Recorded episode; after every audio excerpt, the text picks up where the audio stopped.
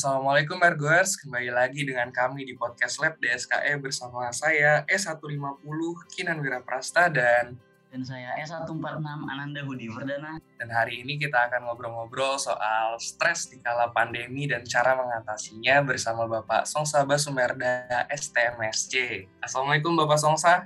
Waalaikumsalam warahmatullahi Gimana kabarnya Bapak? Alhamdulillah. Bagaimana Mas Mas Anan dan Mas Kinan sehat semua? Alhamdulillah sehat Bapak. Sehat Bapak. Nah, Bapak, yang kita tahu semua perkembangan ilmu pengetahuan dan teknologi atau biasa disebut IPTEK sangat pesat beberapa dekade terakhir. Telah terbukti memberikan manfaat yang sangat besar bagi kesejahteraan masyarakat.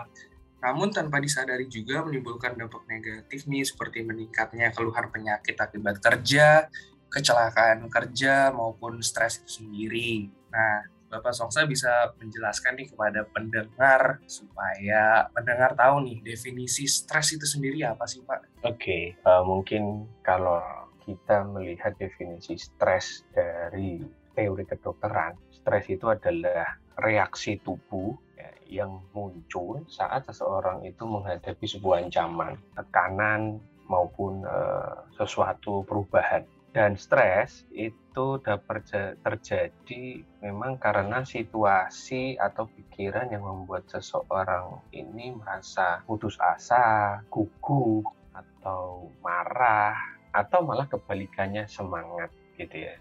Situasi-situasi tersebut itu akan memicu atau berdampak kepada respon tubuh, baik secara fisik maupun secara mental. Nah, respon terhadap stres dapat berupa teman-teman mungkin tahu mungkin nafasnya sesak, detak jantung itu akan berdeguk lebih cepat. Lalu biasanya kalau otot nanti bisa banyak yang kaku gitu ya. Bahkan bisa terhadap eh, tekanan darah itu meningkat atau kalau beberapa orang bisa dikatakan hipertensi. Nah, itu mas. Ini stres eh, sesuai definisi atau teori dari mungkin dari eh, kedokteran.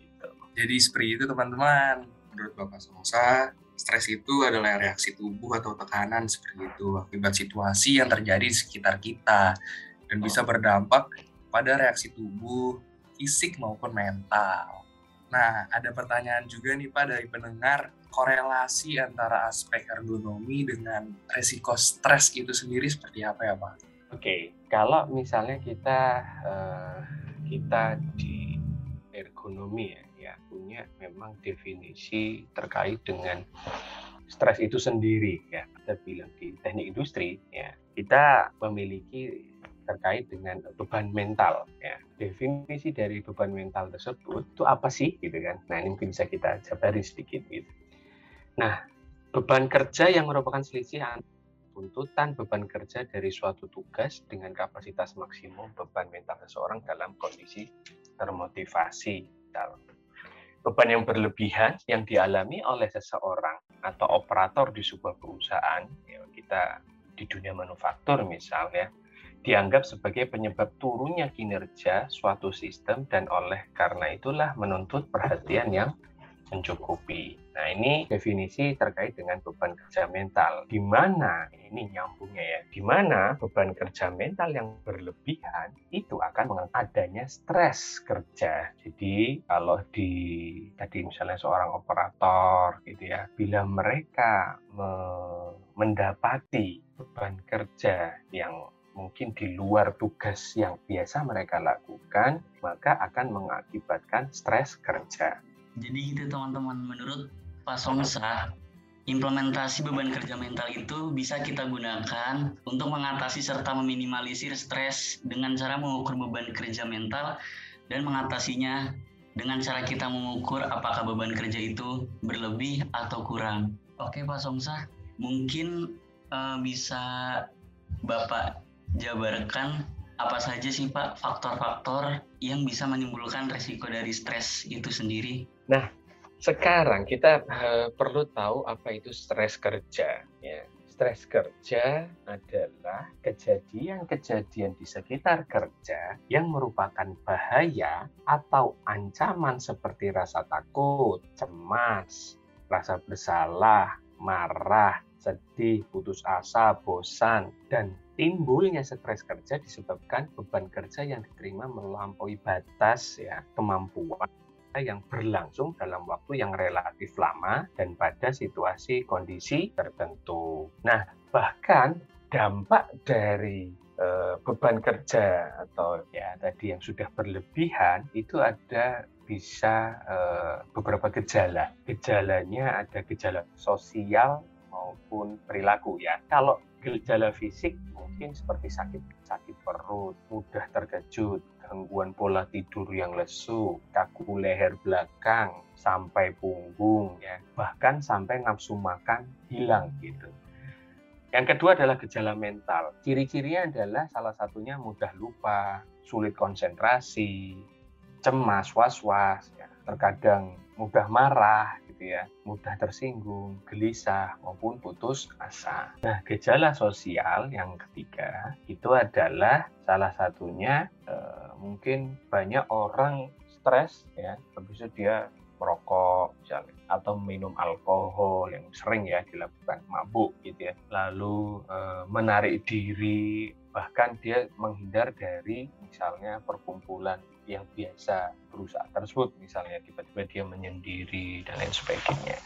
Oke, jadi teman-teman jadi ciri-ciri tadi seperti mudah lupa, sulit konsentrasi dan cemas dapat menjadi pertanda bahwa teman-teman mengalami stres kerja. Masih berhubungan dengan stres ini Bapak ada pertanyaan dari teman-teman pendengar bahwa teman-teman pendengar ini kerap kali melihat atau menghadapi keadaan di mana teman-teman itu mereka merasa sibuk Bapak atau banyak pekerjaan tetapi mereka tidak menghasilkan sesuatu dan notabene hanya stuck di satu persoalan saja dan hal itu bisa menimbulkan stres.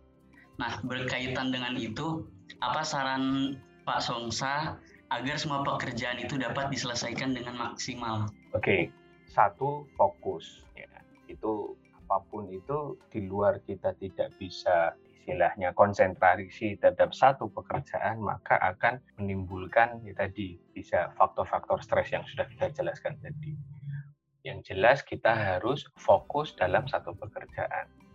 Memang terkadang banyak pekerjaan yang menumpuk. Dilakukan adalah selesaikan satu per satu. Ya, jangan semua pekerjaan ini harus secara bersamaan dalam waktu yang bersama diselesaikan bersama kalau punya kemampuan lebih, nggak ada masalah. Tapi permasalahannya, kalau kita sendiri ini karakter ya tidak bisa dua pekerjaan dalam satu waktu, maka tadi fokus terhadap satu pekerjaan. Setelah melakukan satu pekerjaan tersebut, maka dapat menyelesaikan pekerjaan-pekerjaan berikutnya. Ya. Satu selesai, pekerjaan kedua, pekerjaan ketiga, dan itulah pentingnya adanya terkait dengan penjadwalan gitu ya. Penjadwalan yang efektif ya. Bagaimana kita bisa tahu pekerjaan ini berapa lama nanti pekerjaan kedua berapa lama tiga dan sebagainya. Maka ada juga misalnya rencana kegiatan satu tahun ke depan. Maka kalau teman-teman tahu ya biasanya sering dilakukan uh, penjadwalan artinya bulan Januari pekerjaannya apa Februari Maret sampai dengan Desember. Bahkan nanti per tiga bulan akan ada adanya, adanya evaluasi. Yaitu gunanya untuk kontrol, untuk pengawasan. Apakah tiga bulan itu triwulan pertama itu akan eh, evaluasi yang pertama itu sesuai dengan rencana awal. Ya.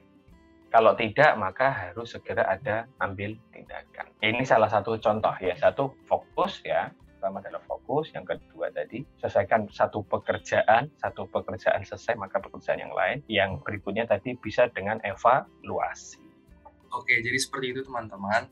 Seperti yang Bapak Songsa sudah jelaskan, bisa dimulai dari fokus, melakukan penjadwalan efektif dan memplanning setiap kegiatan yang akan dilakukan ya bisa dari per hari, per tiga bulan hingga per tahun seperti itu sehingga bisa teratur seperti itu. Dan ada pertanyaan lagi dari pendengar Bapak Songsa tentang beradaptasi nih. Yang kita tahu semua di masa pandemi ini semua berubah dari lingkungan maupun kebiasaan baru seperti itu.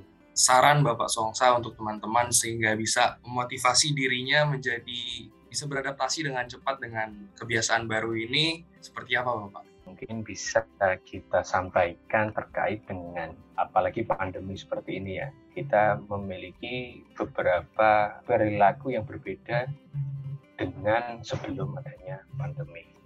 Ini beberapa tips yang ya mungkin bisa menjadi masukan kepada para pendengar ya. Mungkin salah satunya yang pertama adalah terkait dengan sosial media. Nah, dengan sosial media itu kita harus bisa istilahnya bahasanya menyaring sebelum sharing ya. Jadi informasi apa pun jangan mudah untuk kita percaya dan tiba-tiba kita sebarkan ke masyarakat. Ini semakin membuat banyak orang stres gitu. Tapi kita harus tahu dulu apakah informasi yang kita dapat di sosial media itu benar adanya. Bahkan untuk men-share ya kita sebarkan forward itu juga harus hati-hati apakah penting untuk disebarkan atau tidak. Ini yang membuat banyak orang stres karena mendapatkan misal contoh, oh di sini uh, ada yang meninggal misalnya 100 orang dalam sehari Nah, tiba-tiba disebarkan ke orang banyak. Padahal informasi itu tidak benar. Itu contoh aja, salah satu contoh yang yang yang uh, harus kita kita apa? Boleh so, bersosial media, boleh, nggak ada masalah. Cuma saring sebelum sharing. Ya.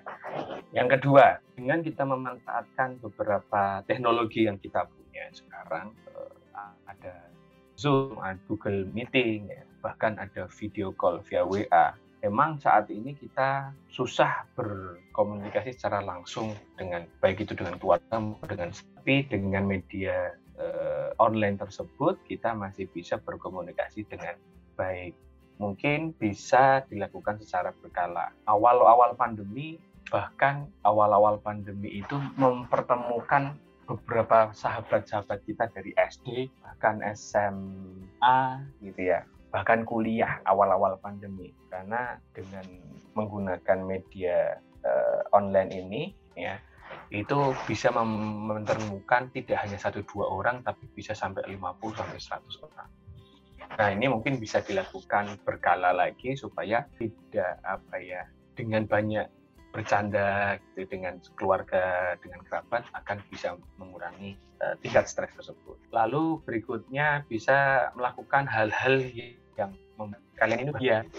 Misalnya ada yang hobi masak, masaklah. Gitu. Ada yang hobi menjahit, menjahit. Ada yang nonton film misal, lakukanlah ya karena dengan melakukan hal-hal yang menyenangkan bagi teman-teman maka dia akan tidak ya mengurangi tingkat stres tadi seperti itu. Yang berikutnya bisa dengan uh, dan harus kita ber, selalu berpikiran positif, semangat dan itu harus kita sebarkan juga ke tadi. Misalnya pas lagi ngezoom jangan malah sedih gitu, tapi harus kita sampaikan transferlah energi positif itu kepada sanak keluarga, kerabat ya. Misalnya ada yang hobi ikut pelatihan ya, sekarang tidak bisa secara luring ya namun sekarang banyak dilakukan secara daring, ya itu bisa kita ikuti, ya. bisa kita apa dengan budget yang tidak semahal luring gitu ya, atau ikut webinar-webinar dan beberapa conference. Lalu berikutnya, misal uh, melakukan olahraga, ya, olahraga secara tidak harus keluar dari rumah ya, bisa dengan lari di tempat, bisa dengan senam teman-teman mungkin ingat ya senam saat waktu SD gitu kan ya. Gerakan kepala gerakan tangan kaki dan lain sebagainya. Dan bisa salah satunya tadi sekarang kita ada di GoFood ya food dan sebagainya. Beli makanan tidak harus di tempat tapi cukup dengan secara online Mungkin itu beberapa tips yang bisa dilakukan oleh beberapa teman-teman untuk menurunkan tingkat stres. Itu, itu Mas Kinan dan Mas Anan.